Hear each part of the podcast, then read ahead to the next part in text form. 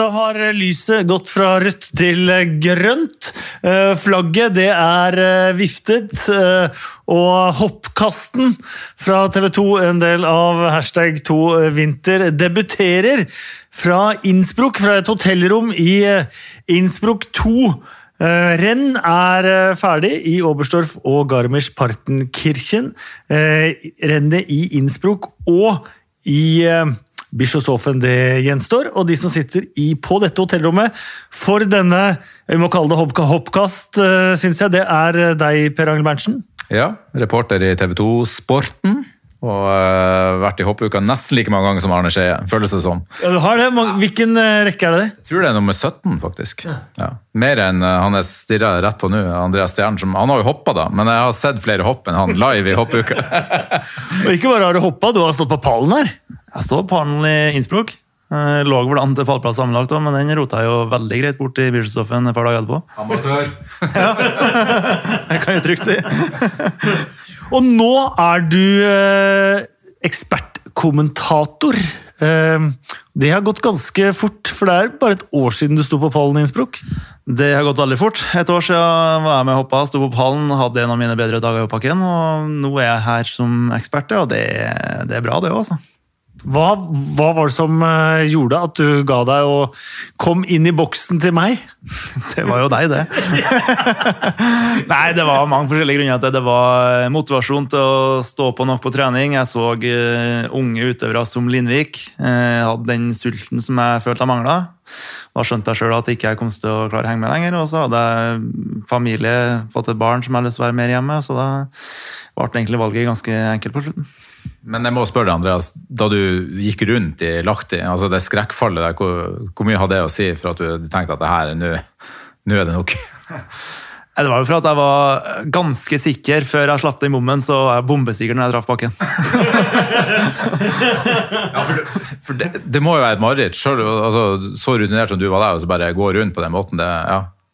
Ja, altså det var jo eh, I mine 25 år som skihopper før da, så hadde jeg aldri vært i nærheten av å gjøre det. Så da plutselig gjør det, da, det setter jo en støkk. Så ja, jeg ble jo, jeg ble jo skremt å se hvor, eh, hvor Eller ikke hvor gæli, for det gikk jo bra, men eh, hvor fort det går da, før man tar salto. Det var uh, oss uh, tre. Uh, inn her nå så spaserer også alltid litt sen Tom Hilde. Også du har vel vært på pallen her i, i Innsbruck? Det stemmer. Jeg husker ikke hvilket år, men Det var i 2011 kunne det vært det? 2011, Det kan stemme. 11. 2011 stemmer faktisk. Ja. Det stemmer, ja. Det er bra at vi vet, og ikke han. ja, det er et av de morsomste stedene å være på pallen her, og Bischofshofen er de to morsomste pallplassene jeg har. Det er alltid sånn når vi sitter og prater sånn før og etter hopprenn, vi hadde jo en tur sammen i Engelberg også, så sier alltid Tom Ja ja, det var da jeg var på pallen, eller eller kanskje det var deg. eller ja det, var, ja, det var da du hoppa så bra. Det var da du hoppa helt ned. Jeg tror du fikk andreplass. Eller så var det meg. Hoppuka, hva betyr det for deg, Tom? Hoppuka er det morsomste i løpet av et år. I hvert fall det som er hvert år. VM er jo annethvert år, skiflygings-VM annethvert år og OL hvert fjerde. Så hoppuka har man hvert år, og det, det er lite som slår det. Altså. Og så er det det stedet med publikum. Det er jo ikke alltid man har i VM og OL, men hvert eneste år i hoppuka så er det stinn brakke. For deg, Per, 17, 17 år, hva, hva, betyr hoppuka for deg? Det er, altså, det som Tom sier, altså det, det, er veldig få vinteridrettsarrangement sånn i sin helhet som er bedre enn hoppuka. Uh, når du ser liksom, Tour de Ski med 15 15 til 20 eller, 15 til, eller, la oss si 50 norske journalister og litt støtteapparat og familie og et par løsbikkjer og noen italienere som har gått seg vill, så, så, er det liksom, du kommer her ned og det er 30 000 på tribunen, det er glyvann altså det, det, det, altså Du blir berusa av å gå gjennom publikumshorden i Bischofshofen. Det er sånn stemning og det er sånn kultur. da. Og det, og det, det, gjør noe med det som, som journalist òg. Det, det, er gøy å være med på. For det, er litt sånn høytid. Altså det, er tradisjon, det er kultur. De har fått til en fantastisk kultur her nede som vi, som vi hadde i Norge før, men som er helt borte i Norge. Og for å være litt politisk ukorrekt, jeg tror det har litt med det de har i glasset å gjøre. Det, det, er party, rett og slett. Og det, det, er en, det er folkefest. Det er sånn 17. mai nyttårsaften. altså, ja, det er party. Og så, så faller det sammen med høytider. Eh, Garmisch er nyttår. Uh, og Oberstdorf er jo slutten av jula, mange folk er på ferie. Det er veldig vanlig å reise på juleferie i Tyskland. Og så har du da, har du da 13. dag jul, som alltid er 6. januar, som er en stor høytidsdag i eh, altså Drei, Heilige Drei Könige Abend, altså Hellige tre kongers aften i, i Østerrike der, hvert år der det avslutta i Så det er fridag, folk har, eh, er i partystemning, så det, det er helt fantastisk. Det er litt alkohol i kålen nå noen ganger. Jeg, jeg, mitt første hopprenn som jeg husker, det er 1983. Eh, Det er også uh, første gang jeg husker å ha sett en dame spy inni sin egen pels. Det har jeg aldri sett, faktisk. Nei! Det var et finsk ektepar bak oss. Han var kjempehyggelig i starten. Han ble veldig veldig aggressiv eh, på slutten av andre vodkaflaske. Og da hun fikk nok, så bare snudde hun seg til siden, åpna pelsen sin og spøy inni den. Og da, ikke så lenge etter det, så hoppa jo din far. Så du har jo veldig fått dette med med morsmelk, eller farsmelka, eller hva man skal kalle det. Ja, Morsmelka tror jeg ikke jeg fikk så mye hopping fra, men uh, jeg har hatt sitt beste minne fra hoppekana han i Bischofshofen uh, på 80-tallet en gang. Jeg vant eh, eneste seieren sin der, ja. Så jeg har jo eh, Jeg synes jo det, jeg husker jo det var spesielt for meg å komme til Bischofshofen første gang, for det var jo veldig mye snakk om det opp gjennom barndommen min, at det var liksom plassen på jord. Så Men du var aldri med, med han hit? Nei, han ga vel seg omtrent når jeg kom til han, så da det rakna vel for han da, tenker jeg. Omtrent sånn som du gjorde for deg når du fikk unge. Du følger din fars fotspor der òg. Du gir det når du får kids. Så det tror jeg er sunt, altså. For det koster jo det her. Du, du, hodet må jo være på plass. Du, du er jo syk i hodet når du driver med hopp. Så, altså, hvis, hvis, som du sier, hvis du ikke har hodet på plass, så, så er det bare tull. Ja, altså Du merker jo at du føler at du har mer å tape da, når du har fått barn og familie. Og, og sånn, og så føler jeg kanskje første tida når barnet er spedbarn, så går det greit. Men når det begynner å ja, Du går glipp av mer og mer, og da har du jo mer lyst til å være hjemme. Eh, Men eh, din far han hadde sitt livshopp i Planica. Ja, han sier noe, det. For det er det ingen som noen gang kan se igjen. Nei, for det Ja, det, eh, det var Jeg hadde jo en VHS, med, for det der var på trening tror jeg, før et verdenscuprenn i Planica, og det ble kun filma av treneren på dommertribunen. Så den, eh, den hadde han hjem, Viste fram eh, ofte når jeg var yngre, og så kom det et VM i 1994 i fotball. Og jeg var også ganske interessert i fotball, så jeg følte jeg måtte ta opp en kamp. Og da var det litt feil kassett som gikk inn, så da tok jeg over det, det hoppet der. Så siden 94 er ingen som har sett det hoppet. Hvilken kamp var det? Nei, det var sikkert USA mot eh, Russland eller noe. Iran mot Costa Rica. Det var ikke Norge-Mexico, for å si det sånn. Nei, det kan jeg garantere at det ikke var. For den kunne vi sett igjen. Ja, den kunne vi sett igjen. vet du. Eh, Skal vi, eh, skal vi ta en liten eh, recap på det som har skjedd i hoppuka til eh, nå? Det har vært hoppa to renn. Først i Oberstdorf, så i eh, Garmisch-Partenkirchen. Eh, Begynte veldig bra. Veldig god første omgang i Oberstdorf.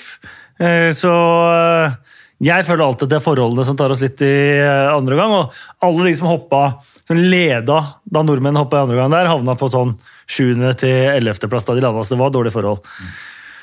Så hadde vi en fantastisk dag i Garmisch.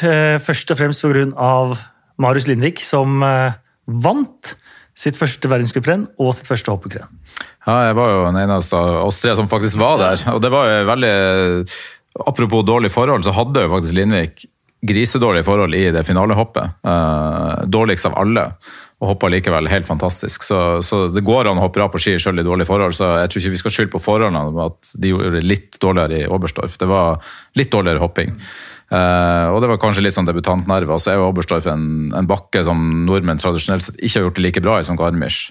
Så, så, men Lind, måten Lindvik bare takla der og sitter alene på bommen og dårlige forhold Jeg så på eh, vindmåleren eh, når han kom. Det ble dårligere og dårligere forhold. tenkte jeg, ja ja, blir det vel fjerdeplass. Men så og, og takla det så bra, og da tenkte jeg bare yes, endelig. For jeg, liksom, jeg har fulgt hopp i noen år, og liksom, vi har sett, vi som har vært tett på, vi har jo sett at Lindvik har tatt små skritt hele veien, så jeg på en måte bare venta på det store gjennombruddet. så hvor rart enn høres ut, så, så er jeg ikke så overraska over at, at han Selvfølgelig at han vant, det er overraskende, men Men de som kjenner miljøet godt, så er det ikke så veldig overraskende. Det er det enig Tom? Han har, han har jo et toppnivå og en teknikk som eh, ikke veldig mange andre har. Og det er sånn Når jeg og Stjernen sitter og ser på hoppingen hans, så vi, vi tenker jo at fyren er gæren. Altså, vi hadde aldri fått til det samme. Uh, og det samme gjelder jo egentlig Kobayashi. Jeg ser på akkurat nå, så er det de to som hopper litt annerledes enn resten. Og de har et høyere toppnivå, og de er i mitt hode litt eh, gærnere enn resten. Og de får jo veldig resultater av det akkurat nå, begge to. Og jeg synes nesten Du ser det på skiene, også, at, han greier å ha de litt flatere enn de andre. og Det er det, det man snakker veldig mye om nå, at, at skia må være flat i lufta. for Jo flatere det er, jo, jo lenger ned flyr du. og det,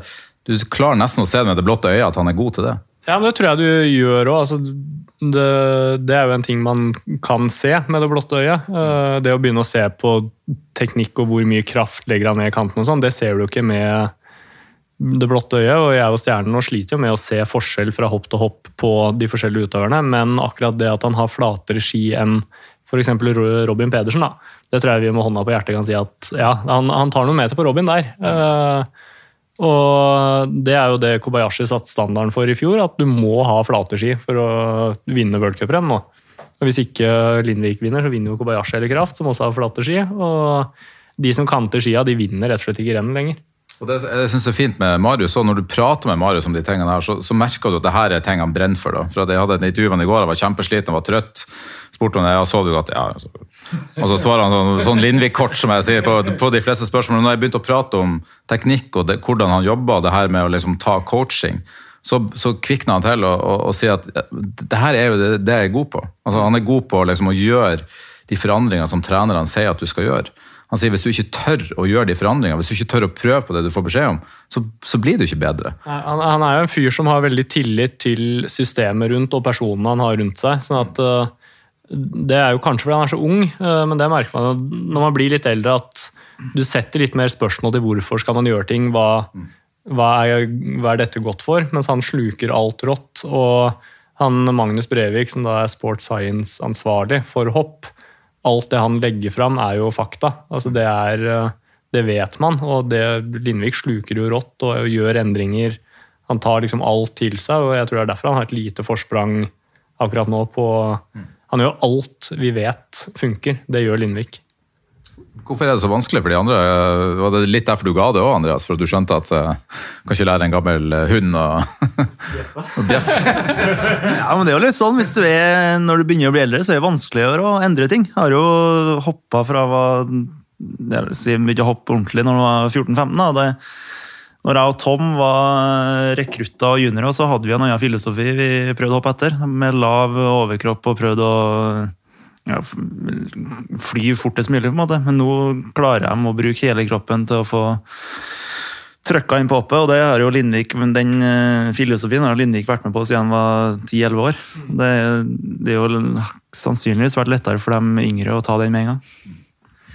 Så vi andre nordmenn. Daniel André Tande han starta sesongen med å vinne de to første uh, verdenscuprennene. Vi hadde Robert Johansson, som var fantastisk god i sommer starta på en måte like bra denne sesongen, bortsett fra at han hadde uflaks. Eh, følte man var uflyt, eh, så han kanskje mista litt eh, følelsen. Eh, forfang er der oppe. Hva er det vi kan forvente av de? Jeg har, akkurat nå så har jeg mest trua på at Robert uh, kommer til å gjøre det bra. altså sånn, Blir nest beste nordmann. og han er, altså, det, det, som er vanskelig, er at han har hatt mye uflaks. Uh, det er jo ikke en unnskyldning, uh, det er jo et faktum. Eh, og så er det om det er teknikk eller uansett hva det er som gjør at spiralen begynner å gå nedover, så påvirker jo det en person. Og når du har litt utur, han blir diska Det er jo ikke uflaks sånn sett, men det, det påvirker jo selvtilliten. Og han har likevel greid liksom å holde nivået oppe på trening, så jeg tror at han kommer til å bli sterk eh, den siste halvdel av hoppuka. Og det er jo det med Robert, at Han, aldri, han gjør nesten aldri dårlige hopp. Uh, han hadde dårlige forhold i dag i, i trening og kvalik, men, men, han kommer seg over uh, det kritiske punktet, eller K-punktet, som det, Andreas kalte det. Kritiske punkt, som en etterlevning av Arne Skeia. Det, det, er forbudt i TV 2! Så det ble slakt på evalueringa. Uh, men han gjør to kanonhopp egentlig, med masse bakvind. Og, og, og det er jo det som er Roberts styrke som, som idrettsutøver, at han, at han har et veldig lavt bunnivå. Altså, så han, er, han, er nesten alt, han er nesten aldri dårligere enn 10-12-15, liksom. Og så når han da, som du sier, får det han er, når spiralen begynner å gå litt motsatt vei oppover, så, så, så blir han ofte en vinner. altså kommer på pallen. Og han har jo vært litt sånn slow starter i mange år. Og så har han kommet som et skudd utover sesongen, og i fjor vant han jo Holmenkollen. da.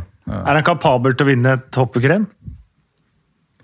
Ja, det tror jeg. Eh, eller han er jo det. Eh, men eh, akkurat nå så må jo da jeg, jeg, Sånn jeg ser på det, dere må gjerne arrestere meg på det, men jeg tror at Kobayashi, Lindvik og Kraft må bomme litt. Men det skjer jo en gang om dagen, nesten, at de bommer. Og da er han, han Skjer det, og Robert gjør to av sine topphopp, så vinner han. Og så er det utendørs, så hvis han har litt flaks i en første omgang, så kan det hende at det er det som skal til før han virkelig slapper av og får ut hopp som er på nivået til det de har. Eh, så han er helt klart kapabel til å vinne hopprenn. Det samme gjelder jo forfang òg.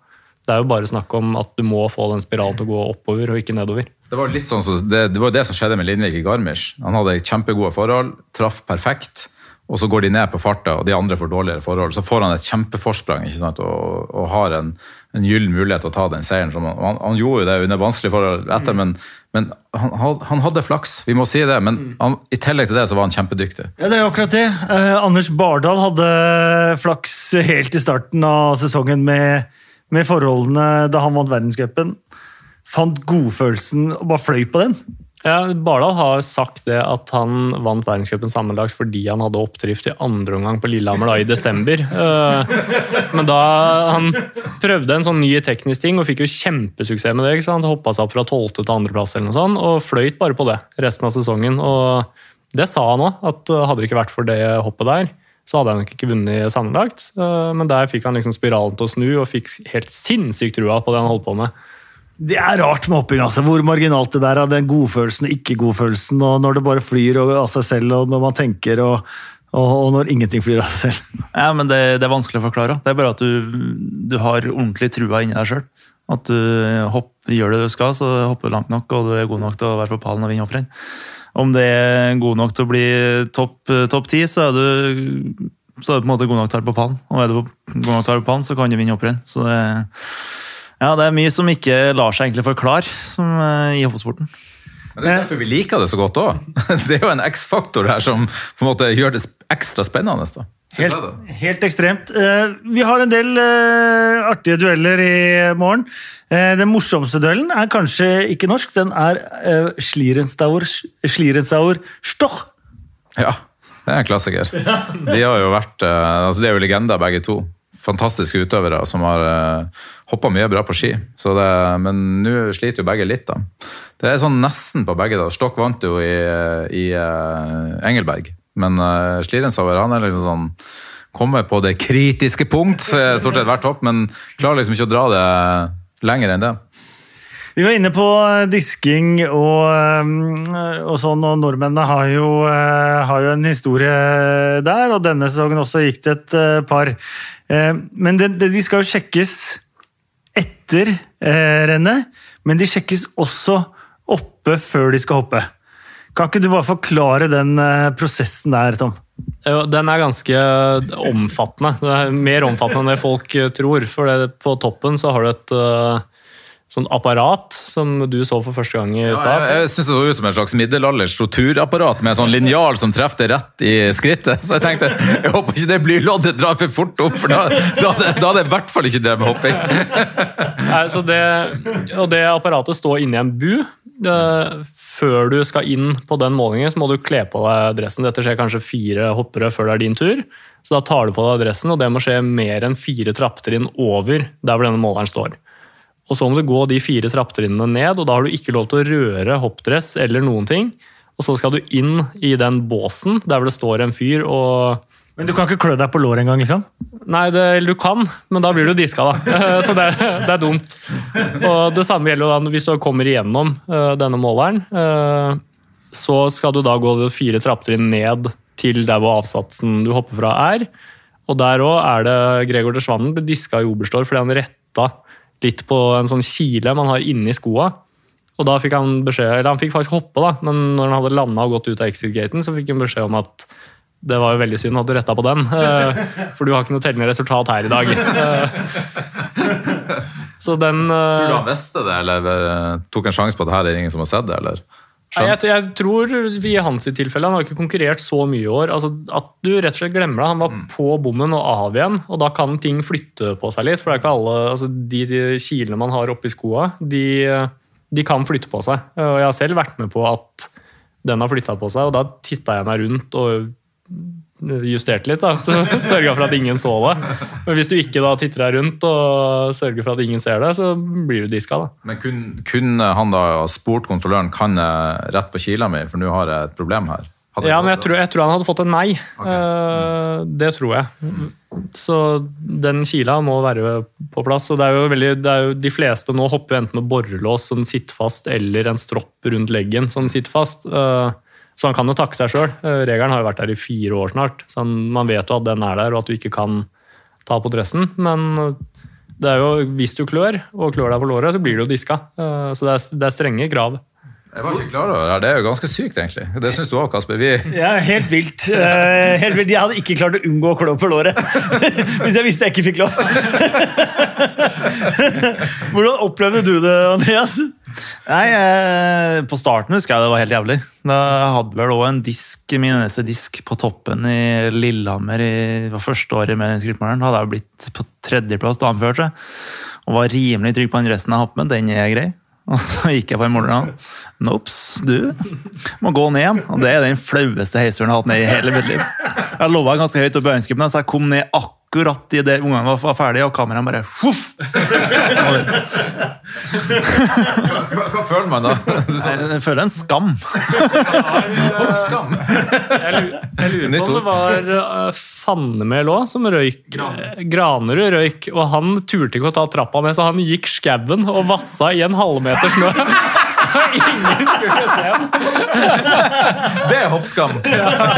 Hvis noen som lurer på hva hoppskam er, så er det å bli diska på toppen. Nydelig.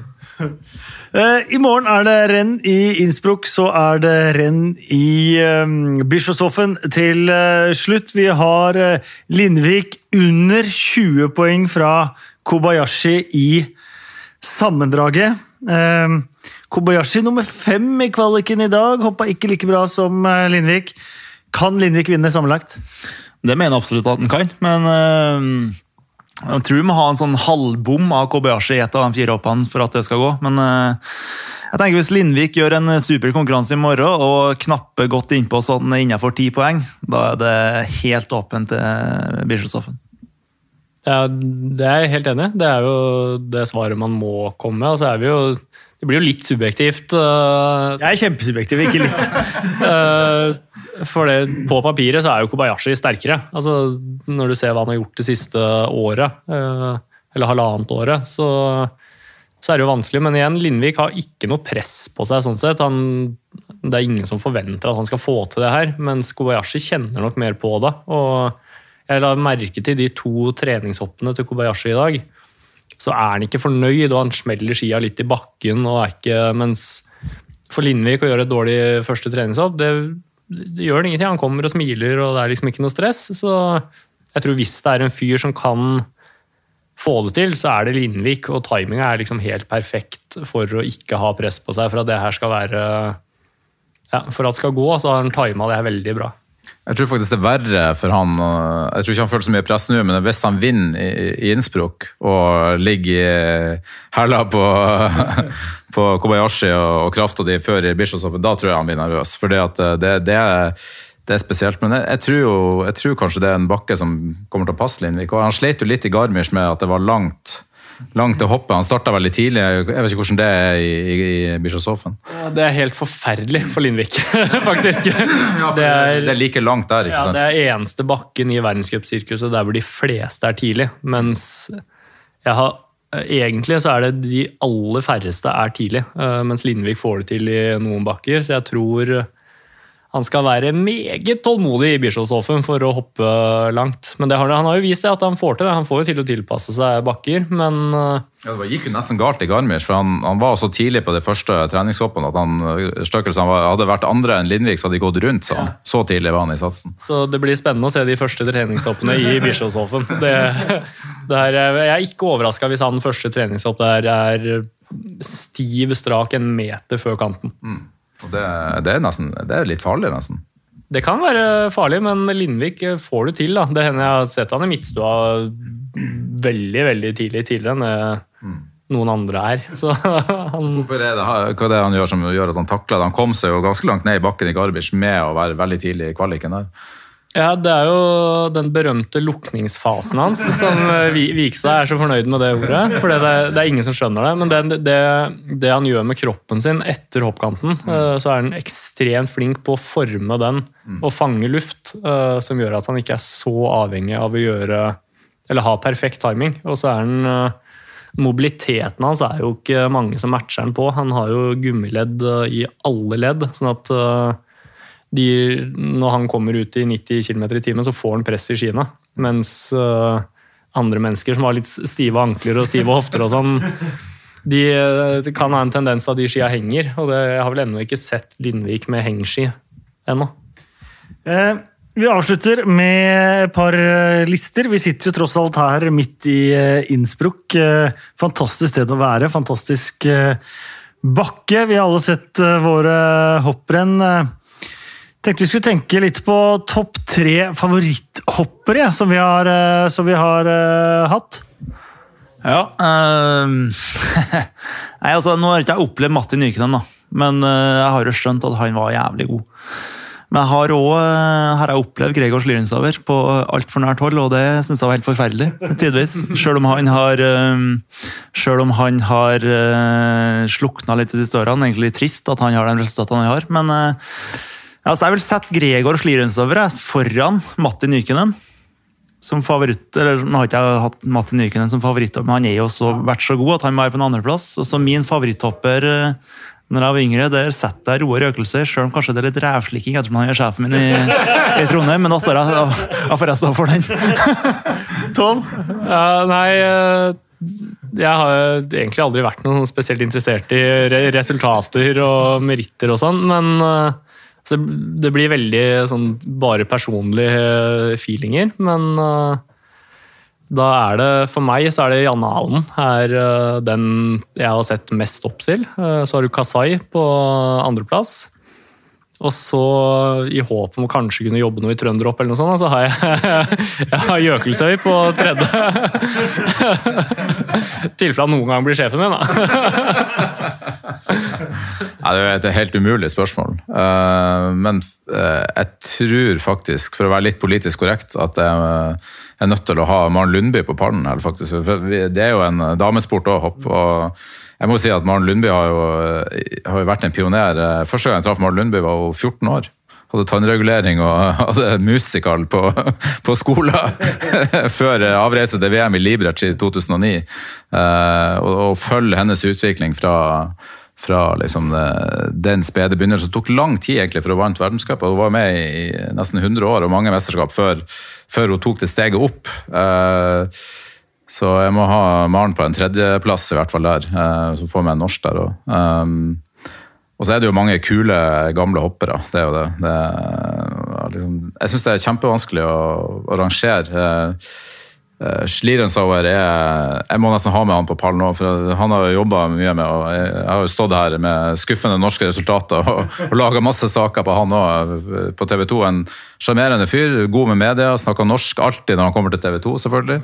Hadde jo bodd i Norge, eller uh, hans eksdame bodde mye i Norge. og jeg syns Schlierenzauer er en eh, fantastisk eh, utøver som fortjener å være på den lista. Ja. Takk, sto det på den meldingen du fikk nå. Ja, ja, det var Gregor som var på Men eh, jeg syns jo Matti Nyken må være nummer én. For jeg, jeg, jeg fikk aldri se han Jo, jeg så han hoppe eh, live én gang, men det er liksom, han er Når du ser altså, så god han var altså, Vi blir fort historieløse der. Altså, vi burde kanskje hatt Wirkola med her òg, for han var også veldig god. og Det begrepet 'hopp etter Wirkola' er kommer jo av en grunn, men Men eh, det var en, nesten en annen idrett, da, men sånn i moderne tid, da, hvis du ser fra 1980 Ja, det vi har opplevd og sånn òg. Ja, Så, så, er det, så må vi nesten bare si Martin Nyken. Og så fikk vi jo oppleve bandet til Martin Nyken i, i Lahti-VM. Så jeg har sett han live på, på, med musikk. Det var ikke så bra, men eh, han var bedre skihopper. Men at han hadde sånn aura over seg som gjør at han, eh, han må nok på toppen der. Det er vanskelige greier. Jeg har sett Matte Nykken mer enn deg, merker jeg for jeg var i Holmenkollen hvert år, for jeg er jo født og oppvokst i, i Oslo, og der kommer egentlig min eh, Jeg tror han må komme på tredjeplass. Vegard Oppås. Eh, det var fra nevnte rennet hvor hun spøy i pelsen. Eh, der var Vegard Oppås nummer én i, i eh, nasjonal pulje. Eh, hoppa 111,5 meter, som var soleklar bakkerekord. Eh, ja, han måtte opp og hoppe på nytt med lavere fart. Eh, for Man skjønte jo ikke at han kom til å bli verdens eh, beste, men siden jeg, jeg følte liksom siden jeg var der og så han som liksom junior, som han må ha vært da omtrent, sette bakkerekord i Kollen, så fulgte jeg liksom alt med den haka på sida, hadde han alltid på, på hjelmen. Og så Erik Johnsen, selvfølgelig, som Oslo-gutt, det òg. Er Erik Johnsen oppe også. E- Erik Johnsen oppe på andre, ja. Jeg elska Erik Johnsen. Eh, virkelig. Eh, men favoritthopperen min, Harada. Snakk om å hoppe med et smil, ja. og snakk om å choke med Jens Weisflog. Og om jeg var glad i Harada før Jens Weisflog, så elska jeg han etterpå. For det der, det var eh, Og da han endelig vant etter det Weisflog, eh, det var vel laghoppen, var det ikke det han vant eh, etter det? Og han fløy rundt. Og jeg har aldri sett noen så glad for noe som helst, det, som Harada var da han Ja, alle unna han det. Rørte en hel nasjon i Nagano der. Det var fantastiske bilder. Det, det glemmer jeg aldri. Satt på natta der i i halvsøvne og så på. Det var fantastisk. Så, eh, Pedersen, norsk eh, trener, skylder på forholdene. Selvfølgelig. Selvfølgelig. selvfølgelig. og, og selv om Matti Nyken var bra, så likte jeg aldri finnene. Eh, Jeg gikk jo alltid og fikk autografer eh, rundt om der på langrenn og på hopp og alt. Eh. Matti Nyken kom jeg aldri nær, men Ari Pekka Nicola han var litt ufin mot barn som ønska seg autograf. Så han, eh, så han fikk jeg aldri autografen til. Så Ari Pekka Nicola preget mitt forhold til, til finnene, rett og slett. Det var du som nevnte Anen. Ja. Ja. Ja, det er mye fordi han var legende akkurat da jeg slo gjennom i Fantastisk 2006. eh, Og i mitt første worldcuprenn så ble jeg nummer 19, eller noe sånt. Da hadde han en dårlig dag. da. Så han ble bak meg, og da løp jeg første jeg gjorde etter Jeg var på nasjonal gruppe, ikke sant? Og løp inn da i skiftebua til det som var A-laget, og det var jo legender der òg. Så river jeg opp den døra og så sier jeg 'jeg pissa på A-en'! Men A-en er jo en fantastisk fyr. Han gjorde jo en, rekke comeback. Det var jo før, jeg lurer på om det var før VM i Lahti. Da gjorde han jo enda et comeback der. Eller, eller det var kanskje i Kusa. Husker ikke. Jeg sto i hvert fall og intervjua han da. Så sier jeg bare Å, jeg trodde du hadde lagt opp. Hvor mange come- comeback skal du egentlig gjøre? Altså, det var sjelden han smilte, da, men da smilte han litt. Og så sa han bare sånn Next time I'm not gonna quit. I'm just not gonna be here. og det, er sånn, og det, ja, det stemte også. Han, han annonserte jo aldri at han ga seg. Så jeg tror bare han var så lei av å liksom, få den eh, oppmerksomheten. Men han er en fantastisk type. da. Litt sånn underfundig humor og, og mye mer sånn Han var, hadde jo litt sånn steinansikt, men en herlig type. Fantastisk å intervjue. En, eh, virkelig en eh, favoritt blant oss journalister. Så røkte han. Sto bak bua der og Han var ikke eneste som røyka ja, hoppere. Hvor mange pleide å stå bak bua da du starta å røyke? Og, og røyk. Og hopp. Da røyker jeg. Starta å hoppe! Hvor mange drev og hoppa da du starta å røyke? Det var ikke så mange av oss, men Nei, det, var, det var flere da enn øh, da jeg slutta å hoppe. Øh, men jeg tror jeg kom inn akkurat der det ikke var så kult å røyke. Sånn akkurat på, på det skiftet der hvor det ble ordentlig toppidrettsutøvere. Men du hadde jo, jeg har jo sett folk sitte på huk der man varmer opp. altså Jeg var vel 18. Nei, 19, ja, 18 det første worldcupåret mitt. og Når du da er ute og jogger langs en sånn sti i Villingen, og så sitter det tre-fire stykker og røyker mens du kjører de rareste tøyøvelser fordi du prøver å forberede deg til et renn. Og så slår de deg i tillegg, de som sitter og røyker. Du, du tenker jo ditt, men jeg tror faktisk de er borte nå. Altså alle, nå tror jeg ikke du har folk som røyker. Men mange lenger. snusa. Det gjør det. Det må vi, det må vi kunne si. Vi skal ikke Det nevne navn, men, eh, men det går vel litt på at nikotin stagger litt sult òg. Og det, det, det er jo en vektsport, det her. Det, må, det kan vi ikke stikke under en stol. Så det, det lønner seg vel å snuse for å holde sulten borte, gjør det ikke? Ja, det veit jeg ikke, altså. Det, Nei, det, nei da, det er jo en del som eh, snuser, er det nok, men jeg tror det blir færre og færre av dem. On that note så gleder vi oss til eh, tar vi oss en pris, og så og gleder oss til i morgen. Eh, Det blir et fantastisk eh, renn, og hvis du hører dette her på lørdagen, så gleder vi oss til i dag, rett og slett. Eh, Vi prøver å lage en podkast til før vi reiser hjem fra Østerrike. Vi kan ikke garantere noe, men håper du har kosa deg med denne podkasten i alle fall. Jeg prøvde å lete før jeg dro nedover etter hopp-podkaster. Jeg fant ingen. Så jeg håper at uh, folk uh, syns at dette har vært Ok, ja, vi har det. Tusen takk for at du var her, Per Angel. Takk. Syns det var ryddig og fint på rommet mitt.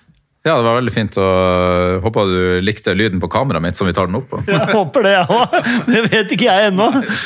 Takk for at du var her, Tom. ja, takk for at jeg fikk komme. Det var veldig hyggelig. Badet så det greit ut. Ja, det var veldig fint. Og du, Andreas, vi eh, tilbringer veldig mye tid i bitte små rom eh, sammen. Det var hyggelig det her òg. Du, Det var hyggelig i store rom, også, men jeg gleder meg til i morgen når det blir mindre. Jeg òg. Og tusen takk eh, til deg som hørte på.